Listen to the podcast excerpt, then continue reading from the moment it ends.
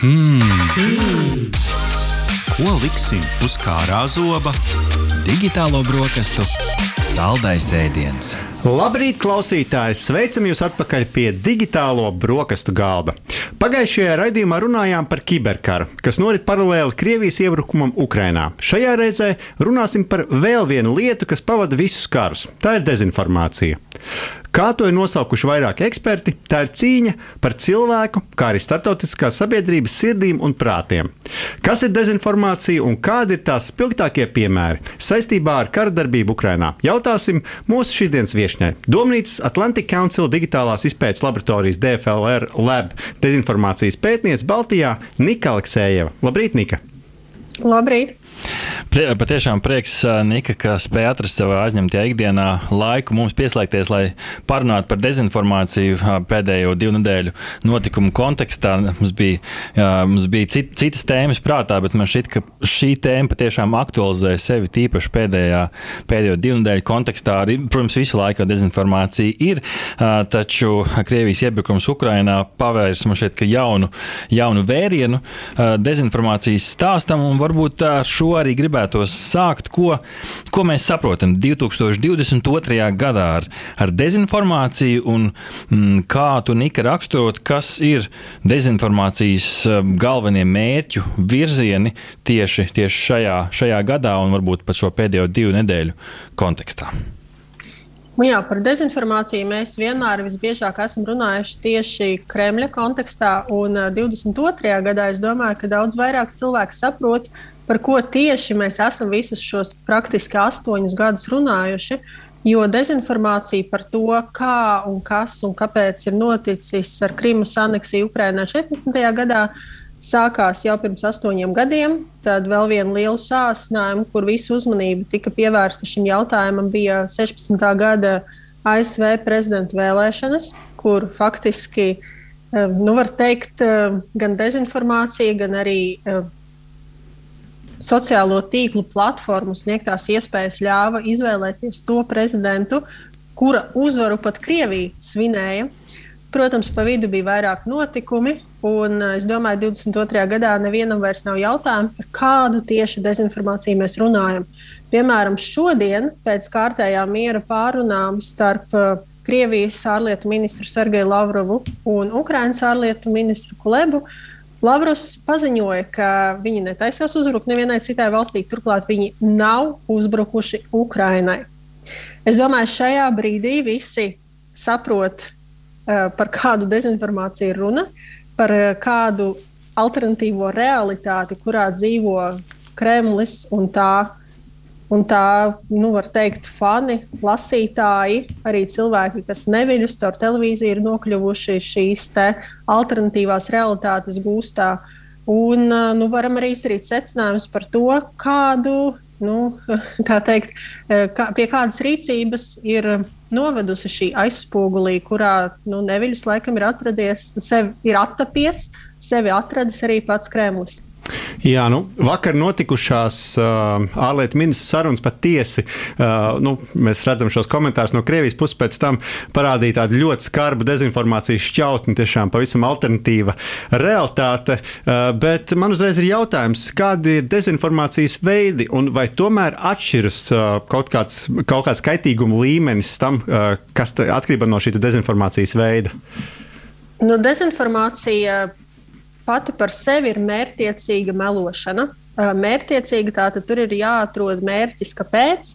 Un jāsaprot arī, vai tas ir sistemātiski, kāda nu, šī aktora interesēs. Piemēram, Kremļa dezinformācija. Kremlis vēlas visu pasauli pārliecināt par to, ka viņiem bija visas tiesības iebrukt Ukrajinā, un viņi izmanto visādus argumentus, balstoties gan īstos, gan safabricētos notikumos, uh, argumentos, lai pārliecinātu sabiedrību.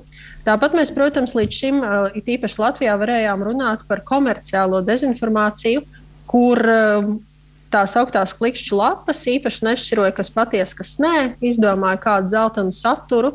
Un tad, nu, faktiski melojot, bet tādā kā izklaides veidā, informēja vai drīzāk dezinformēja sabiedrību ar mērķu ar mērķi uz, uzģenerēt klikšķus. Bet tāpat arī pirms 16. gada vēlēšanām um, divi puiši Mankalnē izveidoja savu mediju lapu un rakstīja dažādas lietas par prezidentu Donaldu Trumpu. Iz, izveidoja, daļēji palīdzēja izveidot šo pizzageitas mītu arī biznesa vajadzībām. Un tur gan sapinās politika, gan arī komerciālas intereses. Tāpēc eh, dezinformācijas kontekstā ir jāsaprot, kas ir šīs gala intereses, visdrīzāk politiskas, militāras vai komerciālas. Un jānošķir no parastām kļūdām, ko angļuiski sauc par misinformation, jo kļūdīties gadās dažiem. Tāpat, protams, ir arī šī vēlme dažkārt iemest video vai, vai foto no cita laika un telpas un apgalvot, ka šobrīd tas notiek Ukrajinā. Un mēs esam redzējuši ļoti daudz video, kas nemaz neatbilst pašreizējā kara notikumiem. Jautājums, kas to dara, ar kādu mērķi, un daļēji mērķis var būt izklaide vai pašapliecināšanās, vai varbūt arī propaganda Ukrainas, mm -hmm. uh, Ukrainas interesēs, jo nu, tā, tā ir kara situācija. Mēs kā reizes nedēļas sākumā, jā, mēs kā reizes nedēļas sākumā LSM.CLV Instagram kontā stāstos, jeb storiju formātā prasījām cilvēkiem jautājumu arī saistībā ar šīs nedēļas sarunu. Jautājums vienas puses ir kā vienkārši, vai tu esi saskāries ar viltu ziņām Ukraiņas kara kontekstā? Mums bija divi atbildžu varianti, jā, esmu, un tad otrs, nu, kā, tikai divas atbildes bija iespējams, atzīmējām, nesmu vai nezinu, nu, lai gan otrs puses, iespējams, ka šie cilvēki varbūt pat nav atpazinuši iespējams dezinformācija, bet Rihard, kādi bija procentuāli rezultāti? Jā, nu tad mēs redzam, ka diezgan pārliecinoši 73% no um, LSM Instagram uh, sekotājiem, kuri atbildēja uz šo jautājumu, teica, ka jā, ir saskārušies ar uh, dezinformāciju, un tikai 27% teica, ka nē, vai arī nav pamanījuši. Un, protams, šis nav tāds uh, objektīvs, varbūt tā aptaujas rīks, protams, bet man iepriecināja šis procentuālais skaits, kas ir uz jā, esmu, kaut vai tikai tāpēc, ka cilvēki cilvēki jau ir aizdomājušies un atpazīst, un atpazīst ka viņi ir redzējuši kaut kādu dezinformācijas formu. Tad jautājums ir vai nav, bet tas man šķiet, ka mazāk būtiski. Kā šeit, ko rāda pētījumi un dati un, un pieredze? Cik ļoti Krievijas iebrukums Ukrajinā ir sācinājis dezinformācijas apjomu un intensitāti, vai to var kaut kā skaitliski vai taustāmi nomērīt, vai tas ir tāds sajūta līmenis? Es teiktu, ka šobrīd tas ir sajūta līmenis, jo uh, Um, Kremļa dezinformācija vienmēr ir pastāvējusi. Un, protams, ka šobrīd ir sācinājums, jo arī notikuma attīstība ir daudz straujāka. Un, piemēram, notiek šķēpu laušana par to, vai uzbrukt civilajiem objektiem vai nē.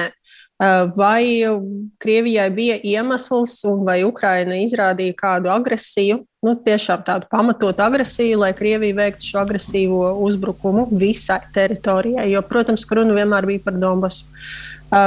Jā, tādā ziņā var redzēt sāsinājumu, jo vienkārši notikumi ir daudz vairāk. Uh, nu, noteikti uh, Latvija pāršāls dezinformācijas plūdi uh, Covid-19 kontekstā. Bija daudz ļaudis, kur tādā veidā izmantoja iespēju kļūt uh, populāriem, un noteikti bija dažādi citi iemesli, kāpēc viņi to darīja. Uh, vai varam kaut kā salīdzināt šīs lietas, uh, vai, vai dezinformācijas ir tikpat daudz kā Covid-19 kontekstā, vai šeit tomēr atbildīgie dienesti, iespējams, arī, arī nu, sabiedrība kopumā ir kļuvusi gudrāka un kaut kā spēj tam labāk pretoties. Tā skaitā arī sociālajie tīkli. Nu, viens ir, vai dezinformācijas ir kļuvusi vairāk, otrs ir, vai mēs esam kļuvuši gudrāki. Ja? Tātad ar Covid mēs cīnāmies jau divus gadus, un, protams, ka tur bija stadijas. Tā arī bija krīze, tā arī Covid pandēmija mūs pārsteidza nesagatavotus. Principā pāris nedēļu laikā valsts slēdzās ciet, cilvēku dzīve mainījās.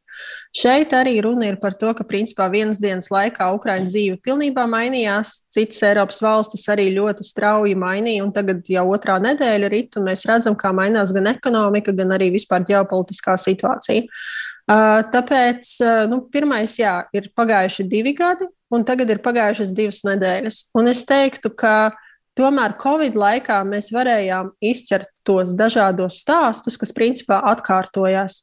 Lielākais tāds uh, geogrāfiskais avots tam bija tomēr ASV un Lielbritānijas sazvērstību teoriju veidotāji. Sākumā Covid kontekstā domāja, no kurienes radās vīrus, kā interesēs viņš izplatās. Bija daudz variantu par dažādām brīnumzālēm, tad attīstījās konspirācijas tieši par vakcīnām, dezinformācija par to kaitīgumu un to sastāvu. Ja tagad runājam par šīm divām nedēļām, tad principā es iepriekšējā tēmā uzskaitīju piecas tēmas, tad šeit arī mēs varam saskatīt viltus karoga operācijas, um, attaisnojuma um, iemeslu meklēšanu, ko Kremlis izmanto, uh, bēgļu jautājums. Tagad notiek sāsinājums runājot par uh, nu, tādiem uh, masu iznīcināšanas ieročiem, kā kodolieročiem un bioloģiskajiem ieročiem, un ir pagājušas tikai divas nedēļas. Uh, es domāju, ka šobrīd sabiedrība ir tiešām sapratusi, ka dezinformācija ir tēma, un katrs uzmanās internetā izlasot ziņu, divreiz padomā, vai uh, un ko es lasu, un vai ir vērts ar šo dalīties šobrīd, vai avots, kas ar to dalās, kaut vai sociālajos tīklos, vai viņš ir tādā amatā, tādā pozīcijā, lai tiešām runātu taisnību. Un, un pat ja tā varbūt nav pilnīgi taisnība, tad nu, kas tas ir? Es domāju, ka daudzi šobrīd saprot, ka nevar tā vienkārši dalīties ar visu pēc kārtas, un ka tā kritiskā domāšana ir ieslēgusies. Bet, protams, ir pagājušas tikai divas nedēļas, notikumi ir bijis vairāk nekā pēdējos divos gados. Un skaidrs, ka visiem tomēr ir grūtības un, un gadās paslīdēt un, un dalīties ar kaut ko. Piemēram, eh, pagājušajās brīvdienās eh, cilvēki domāja, ka Putins eh, izmantoja zaļo ekrānu, sēžot ar aeroflotes stjordesēm vienā, vienā, vienā telpā. Un, uh, Ukrāņu faktu pārbaudītāji norādījusi to, ka Putinam lūk roka iet cauri mikrofonam un ka teikans atspulgā redzams tukšs krēsls, bet paskatoties labākas izšķirtspējas video, Putina roka negāja cauri mikrofonam. Tātad tas bija kompresijas uh, erors, kļūda. Un, tad, kad Putins pabīdīja teikānu tālāk, tad, tad tas krāslis vairs īsti nebija redzams. Tā tad visdrīzāk tās bija ziedlapiņas. Bet skaidrs, ka tā, tā vēlme visu atmaskot un, un nu, tā tad esot kaut kādā savā realitātē, pārbaudīt visu, kas neatbilst manai realitātei. Uh, un pārbaudīt visu, ko Kremlis saka, un, un mēģināt atrast tajā mm. melus, uh, tā ir liela. Vēsturiski tā ir pierādījusies kā ļoti noderīga praksa. Uh, Bet uh, nu, jā, dažkārt mēdzam arī pārspīlēt un, un meklēt uh, dezinformāciju tur, kur viņa potenciāli varētu būt. Uh, bet eh, nu, nepietiek pietiekami daudz spēcīgu pierādījumu, lai tiešām apgalvotu, ka tā ir. Jā, nu tu jau iezīmēji tās galvenās dezinformācijas kategorijas, un tur tiešām varētu papildināt vēl ar, ar vairākām tēmām, noteikti, kas ir mm. mūsu prāts nodarbinājuši un sociālos tīklus viennozīmīgi nodarbinājuši pēdējās divas nedēļas. Bet varbūt var izcelt kādus spilgtākos piemērus. Un, uh, droši vien tā jāiz... piemērs ar kanonu un video jau bija ļoti jau labs. Bija ļoti labs tieši mm. tā, bet uh, vai vēl kāds varbūt spilgts piemērs, ja mēs runājam tieši par dezinformāciju Krievijā, jo skaidrs, skaidrs, ka Krievija šobrīd tieši savai sabiedrībai strādājusi arī uz savu sabiedrību ļoti pamatīgi, lai kaut kādā veidā nu, ietekmētu, protams, sabiedrības domu. Kas varbūt tur ir tie spilgtākie piemēri? Nu, principā var runāt par tādu kā tematisku kopu. Piemēram, ja runājam par militāriem ieročiem un, un tankiem un bruņmašīnām, kas tiek ievestas, iznīcinātas, tad uh, principā notiek jā, šķēpa laušana par to, kura tehnika ir iznīcināta. Jo neviena valsts puse nevēlas atzīt sakāvi. Un cilvēks, kas nav eksperts militārajā jomā nevar īsti atšķirt, kā izskatās krievu tanks eh, un kā izskatās ukraiņu tanks, un kura tad eh, tehnika ir sabumbota. Tas ir viens, nu, jo, piemēram, Ukraiņi, Ukraiņas brauc garām sabumbotai tehnikai un saka, lūk, kur krievi sabumboja, bet izrādās, ka tā tomēr bija ukraiņu tehnika, kas, kas bija sabumbota. Uh, tas ir viens. Uh, nu, nākamais, protams, uh, ir liela nu, šī slepenība par to, kādus zaudējumus piedzīvo kura puse. Un, Krievija ziņo par Ukraiņas zaudējumiem, Ukraiņa ziņo, ziņo par Krievijas zaudējumiem. Visi skaitļi nesakrīt, un neviens nezina, kā ir patiesībā. Kādi analītiķi to, to novērtē un vairākas lietas ticēt Ukraiņai, bet skaidrs, ka nu, tur arī mēdz būt neprecizitātes pārspīlēšanas, un pati Ukraiņa par saviem zaudējumiem nemaz nerunā. Uh, tāpat, protams, ir arī pārizmantošana no cita laika, piemēram, par to, kā meitenīte strīdās ar, nu, vai, vai dzēnu prom karēvi un saka, jā, ej prom. Patiesībā tā meitenīte nav nemaz Ukrajinā, bet gan Sīrijā, tas video ir uzņemts pirms desmit gadiem. Uh, pat ne Sīrijā, es atvainojos, tā bija palestīniešu meitene, kas mm -hmm. dzēna prom uh, Izraels karēvi. Uh, bet jā, video desmit gadus vecs. Vai par to, ka nolaižās um, šie te, izpletni lecēji pirmajā kara dienā. Patiesībā tas ir paņemts no Vostoka 2018. gada mācībām. Tātad visādi tādi Apbrīnojami, cik patiesībā plaši ir tas, plaši tas spektrs, un, un, un, un ka ir spēja, ka ir spēja arī šo te konstatēt. Man šeit, ka cilvēki tikai var apbrīnot eh, Nika arī tavu darbu un tavu kolēģu darbu šo šim visam izsekot līdzi. Bet šeit uh, arī gatavoties šai intervijai, man teica, prasīja interesanti jautājumi par, par dezinformāciju. Viņš man prasīja, vai, nu vai, vai tiešām tā dezinformācija ir tikai vienā pusē, vai šis var būt instruments abās pusēs, arī, arī aizstāvju pusē, kur iespējams tas ir nu, politiski politizēts saturs vai, vai, vai, vai, vai saturs, ar kuru mēģina nu, Jā, radīt propaganda. arī savu, savu, savu, savu narratīvu, bīdīt. Kā, kā uz šo skatīties? Jā, tā tad uh, propaganda ir abās pusēs. Abas puses vēlas pārliecināt gan savus iedzīvotājus, gan starptautisko sabiedrību par to, ka viņiem ir taisnība un ka, ka, ka viņiem ir tiesības aizstāvēties vai, vai aizstāvēties uzbrukot Krievijas gadījumā. Propaganda ir viens, un tā var sastāvēt gan no patiesas, gan no nepatiesas informācijas. Un, uh, es domāju, ka par Kremļa dezinformāciju viss ir skaidrs. Tur notiek arī ietekmes kampaņas, kur, piemēram, tika uztaisīts Viltus Zelenska telegram konts, kurš izsūtīja ziņas uh, iedzīvotājiem, ka mēs padodamies. Nākamajā dienā Zelenskis Instagramā ierakstīja video, kur teica, neticiet, mēs nepadodamies, nepadosimies un redzam, kur esam šobrīd pēc divām nedēļām. Tātad ietekmes kampaņas ir dažādas, arī ir mestas, mesti šie papīra flyeri, kur tiek lūgts piesakoties konkrētiem telegram kanāliem, kas ir prokremliski. Ja runājam par Ukrainas eh, nu, tā saucamo dezinformāciju, tad tie ir šie no konteksta izrautie varbūt dažkārt materiāli, video, foto, piemēram, foto foto, kur eh, divi bērni tur, eh, turās rociņās un puisītis salutē Ukrāņu karavīriem. Tas attēls nāk no iepriekšējiem laikiem. Tas netika uzņemts tieši, tieši šajā konfliktā, bet ir ļoti spēcīgs un to izmanto arī, arī tagad. Tāpēc, ja to ieliek tādā kontekstā, ka tas notiek šobrīd, tā nav patiesība. Eh, protams, Ukraiņas pusē notiek arī dažādu neīpaši glaimojošu faktu noklusēšana. Uh, Bet pagaidām tādu klaju melošanu, melošanu, kas neatbilst pilnīgi realitātei, pagaidām mēs neesam līdz galam novērojuši. Bet skaidrs, ka notiek manipulācija, kaut kādu uzsvaru likšana ziņās ar mērķi uzturēt cīņas sparu gan pašiem ukrāņiem, gan to karaspēkam, gan arī starptautiskajai sabiedrībai. Kas nu, lielākoties tomēr ir Ukraiņas pusē. Jā, mēs, protams, arī novēlam saglabāt to cīņas paru sabiedrībai. Un, kā jau mēdz teikt, karā visi līdzekļi ir, ir labi, bet, protams, nu, ļoti žēl redzēt, ka tieši Kremlis izmanto nu, ļoti lielas melu kampaņas, lai, lai uh, maldinātu gan iedzīvotājs Krievijā, gan, protams, arī lai uh, grautu šo te mm, motivāciju uh, tieši arī pretoties arī Ukraiņas pusē.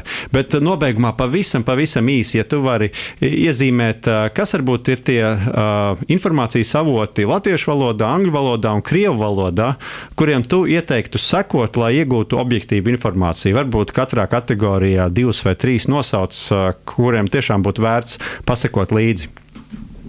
Nu, šeit es laikam būšu vairāk konservatīva un ieteikšu sekot medijiem, Kāpēc uh, tie, kas Covid laikā ticēja konspirācijām, lūk, tie mainstream mēdīji, viņi taču vēlas tikai melot. Patiesība ir tāda, ka šie mediji viņiem ir ļoti svarīga sava reputācija, viņiem ir līdzekļi, viņi algo un uztur sava personāla kvalifikāciju, lai viņi spētu atlasīt, pārbaudīt un publicēt informāciju tā, lai tas būtu korekti tāpēc, ja runājam par medijiem, tad, protams, Latvijā tie būtu sabiedriskie mediji, kā arī Delfī, TVNet, eh, internetu mediji. Viņi vienkārši būs ātrāki.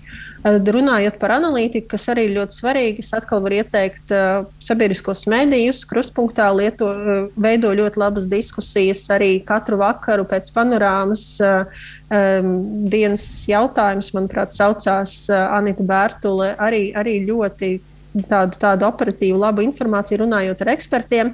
Tāpat arī Twitterī notiek šie te, uh, Twitter spaces, kur var pievienoties ar telefonu un arī paklausīties ekspertu sarunas dzīvajā.